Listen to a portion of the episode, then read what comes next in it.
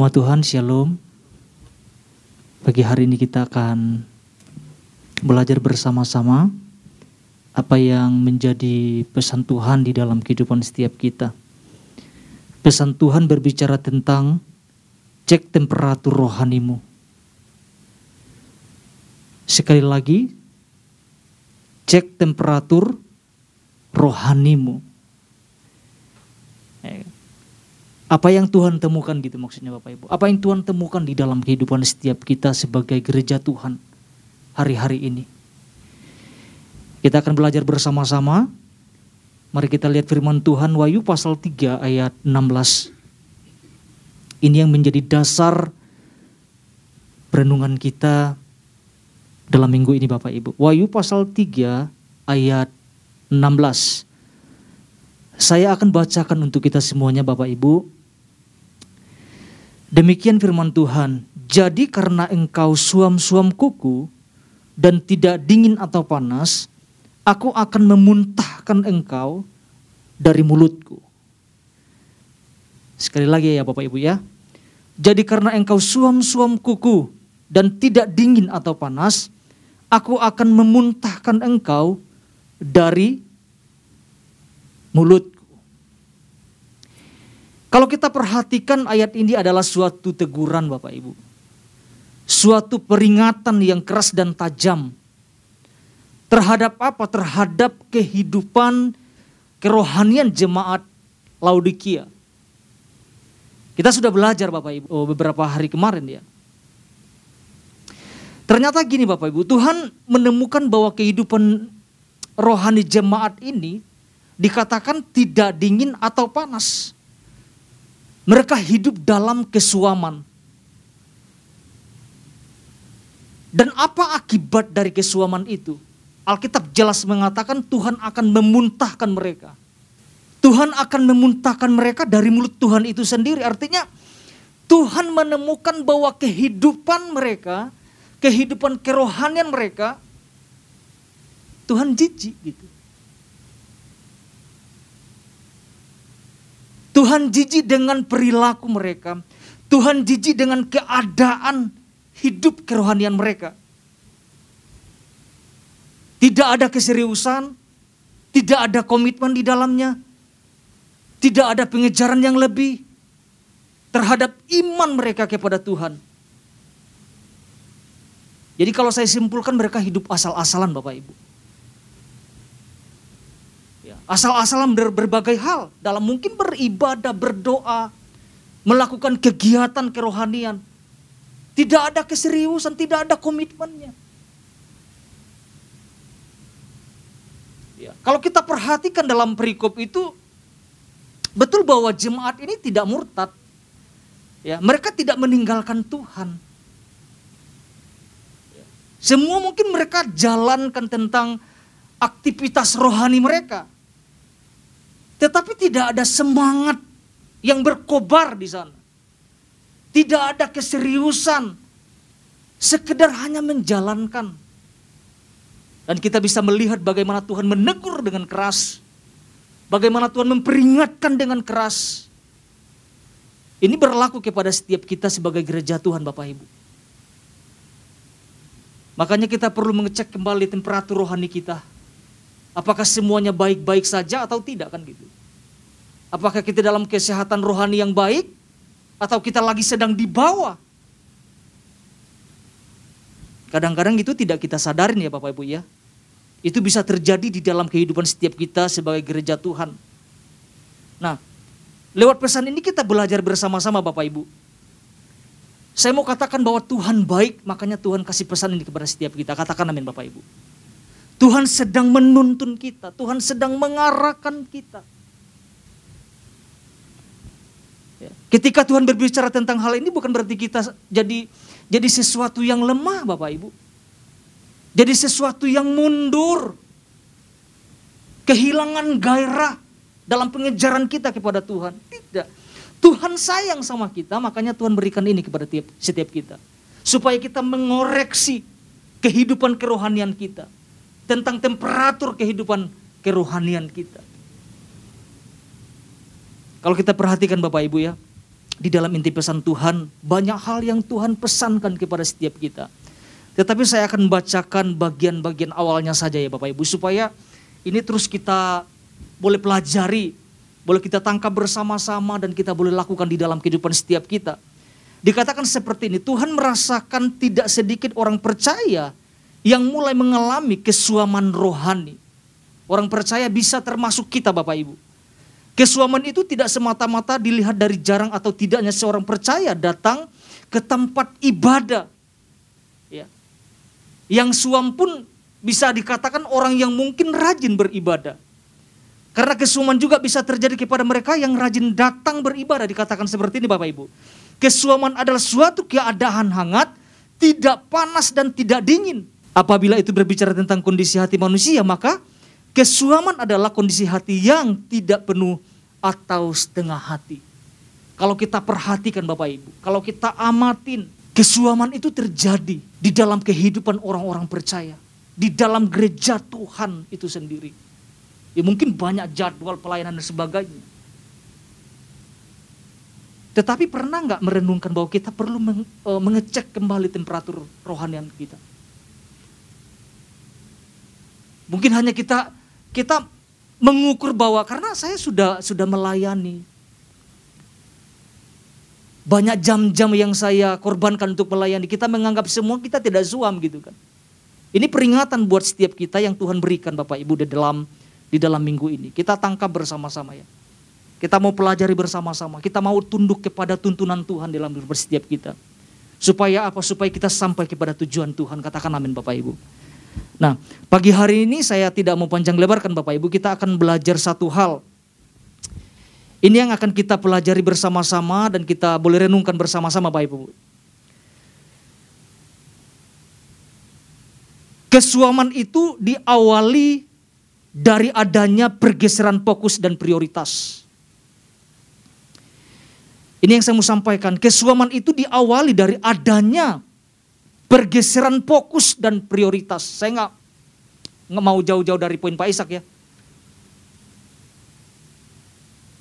Pak Ishak sudah sampaikan juga tentang kita harus kembali kepada prioritas utama kita yang sesungguhnya. Ketika saya mendengar pesan Tuhan ini, saya merenungkan ulang Bapak Ibu. Ternyata prioritas seseorang itu bisa salah. Fokus seseorang itu bisa bergeser dalam perjalanan kerohanian seseorang. Artinya bisa fokusnya kepada hal-hal yang lain selain kepada Tuhan. Nah, nanti kita mau belajar apa yang terjadi di dalam kehidupan jemaat Laodikia Bapak Ibu ya. Mari kita lihat firman Tuhannya. Wahyu pasal 3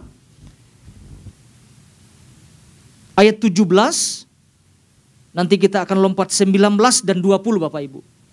Jadi ayat 17, ayat 19 dan 20. Kita mau lihat bersama-sama Bapak Ibu ayat 17. Demikian firman Tuhan. Karena engkau berkata, aku kaya dan aku telah memperkayakan diriku. Dan aku tidak kekurangan apa-apa. Dan karena engkau tidak tahu bahwa engkau melarat dan malang miskin, buta dan telanjang. Ayat 19. Firman Tuhan berkata, barang siapa ku kasihi, ia, firman Tuhan katakan apa Bapak Ibu? Kutegor dan kuhajar Sebab itu relakanlah hatimu dan puji Tuhan, bertobatlah. Itu yang firman Tuhan katakan. Ayat 20. Lihat, aku berdiri di muka pintu dan mengetok. Jikalau ada orang yang mendengar suaraku dan membukakan pintu, aku akan masuk mendapatkannya dan aku makan bersama-sama dengan dia dan ia bersama-sama dengan apa? Dengan aku.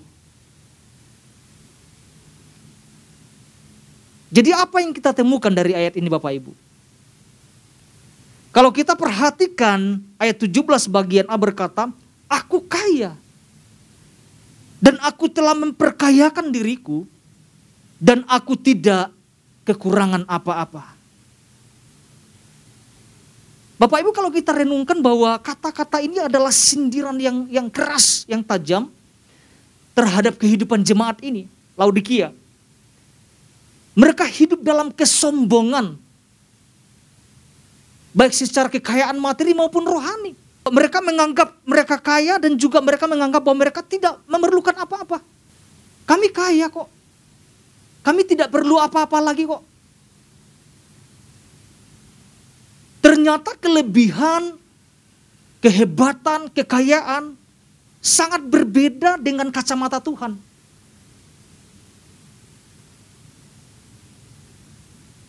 Dari kacamata Tuhan ini mereka berbeda.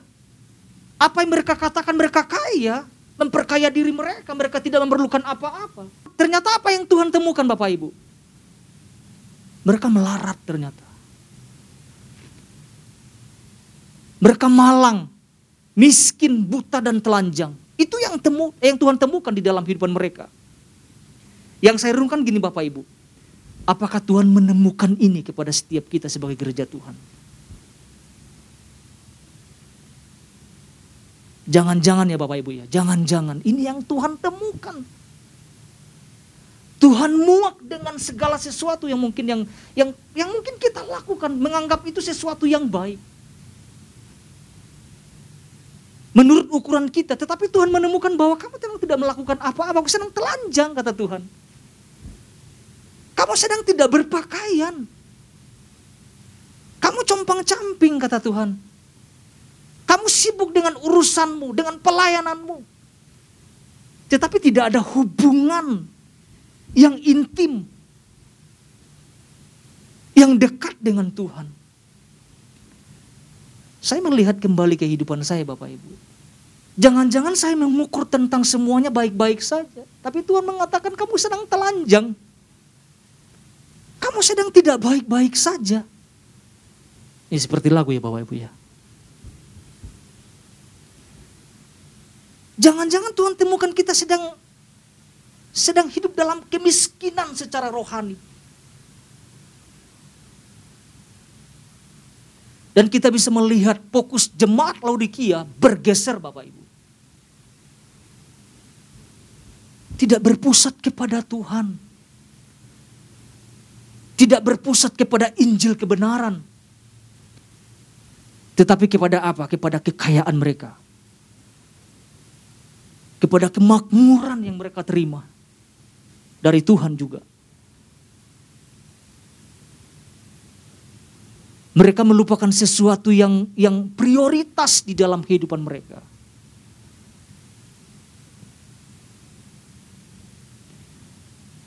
Kalau saya mau sampaikan Bapak Ibu,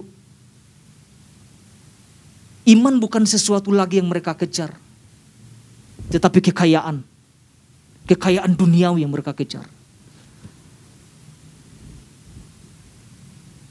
Mari kita lihat firman Tuhan Bapak Ibu.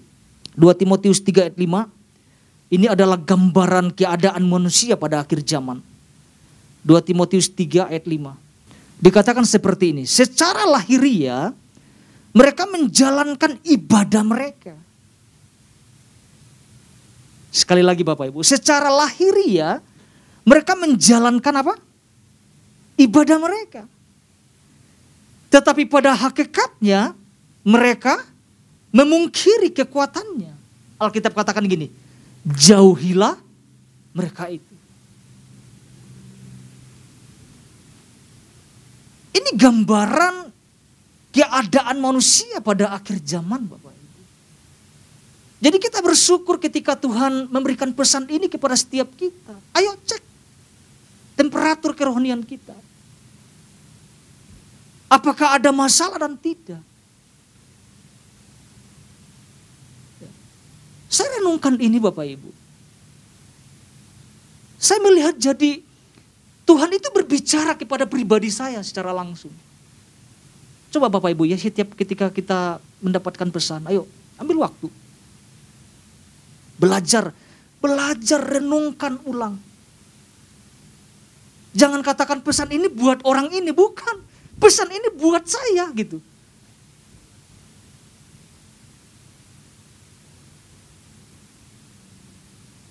Sebenarnya Tuhan sedang mengangkat kita supaya kita selalu memperhatikan tentang kesehatan kerohanian kita. Pernah nggak menemukan yang pura-pura sehat Bapak Ibu, padahal sakit? Pernah nggak kita menemukan? Oh banyak banget. Jujur saya termasuk saya pelakunya juga. Makanya tertegur gitu maksudnya. Oh iya iya, karena kadang kita pura-pura kuat, pura-pura sehat gitu. Pura-pura oke okay gitu ya. Padahal Tuhan bilang, kamu sedang sakit Tuhan bilang. Ayo berobat gitu, ayo ayo pulihkan diri kamu gitu. Ayo dicek gitu kan.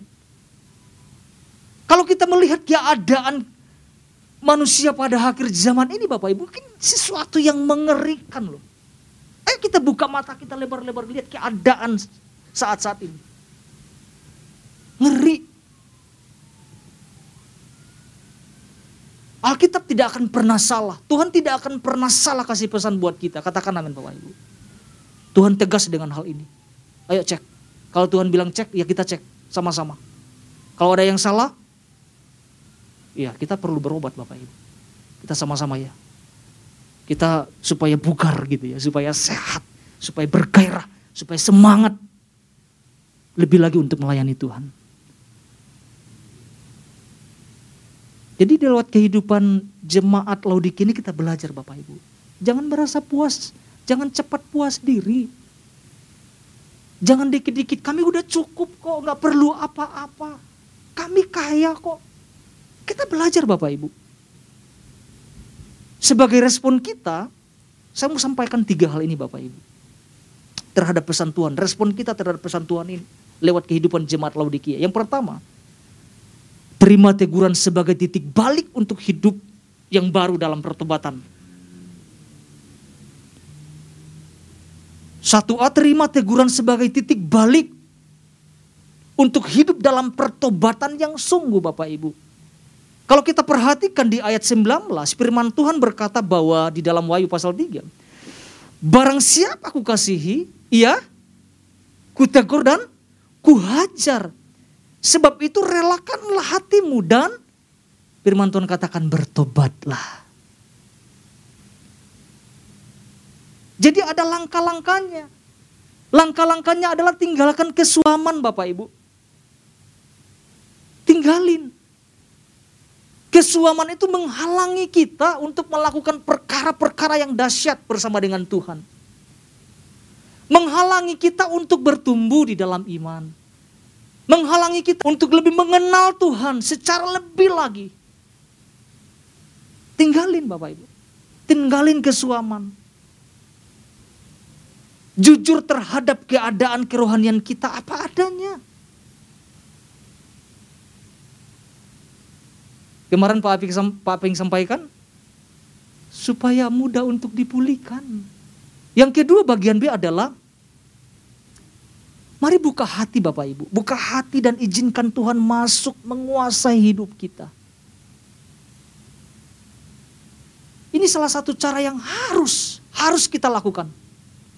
Mengizinkan, membuka hati supaya Tuhan masuk, firman-Nya masuk di dalam kehidupan setiap kita dan menguasai seluruh kehidupan kita. Jangan perkara-perkara duniawi yang yang menguasai hidup kita. Mari kita sama-sama belajar Bapak Ibu. Izinkan Tuhan berperkara di dalam kehidupan setiap kita. Kalau kita perhatikan di ayat 20. Bagian A saja saya bacakan. Lihat aku berdiri di muka pintu dan mengetok. Kalau saya boleh renungkan Bapak Ibu, artinya setiap saat Tuhan sedang mengetok. Tinggal respon kita mau buka atau tidak gitu loh. Mau buka hati kita atau tidak kan gitu. Ini Tuhan berbicara kepada jemaat Laodikia loh Bapak Ibu. Tuhan sedang menunggu. Sedang mengetok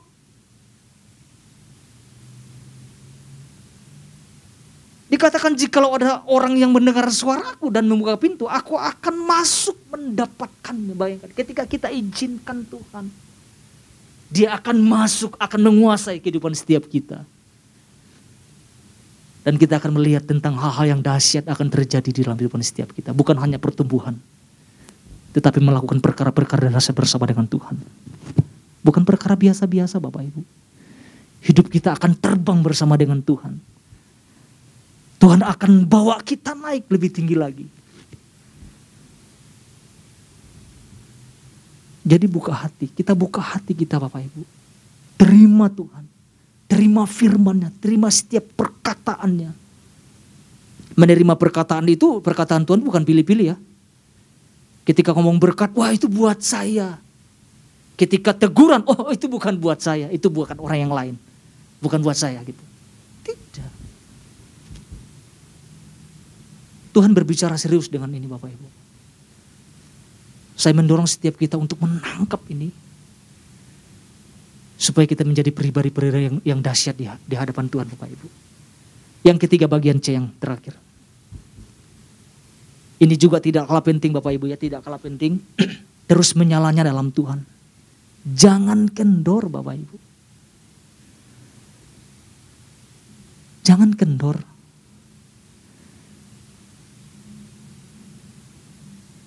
Atas dasar perenungan Bapak Ibu, saya melihat bahwa iya ya. Kadang-kadang saya pun mengalami ini. Kadang semangat, kadang tidak gitu kan. Ini ternyata tidak boleh terjadi. Kita harus menjaga. Kita harus menjaga roh kita terus menyala-nyala di dalam Tuhan. Amin ya Bapak Bibi. Jangan kendor. Ketika kita mulai kendorkan tentang kehidupan kerohanian kita, akan terjadi kesuaman. Ikut ke gereja hal sekedar ikut. Ke gereja mesti dipaksa kasih, ke gereja ayo ibadah ayo ayo. Ya udah karena mama paksa, ikut. Bukan sesuatu yang dikejar gitu loh. Kalau bahasa kasarnya mesti ditentang, ditendang-tendang dulu, ayo, ayo, ayo maju, ayo ibadah, ayo, ayo doa, ayo gitu. Hati-hati loh Bapak Ibu. Kalau kita sampai dipaksa-paksa seperti kita sedang mengalami kekendoran dalam hal kehidupan kerohani, kerohanian. Saya mau sampaikan kita kejar. Ya.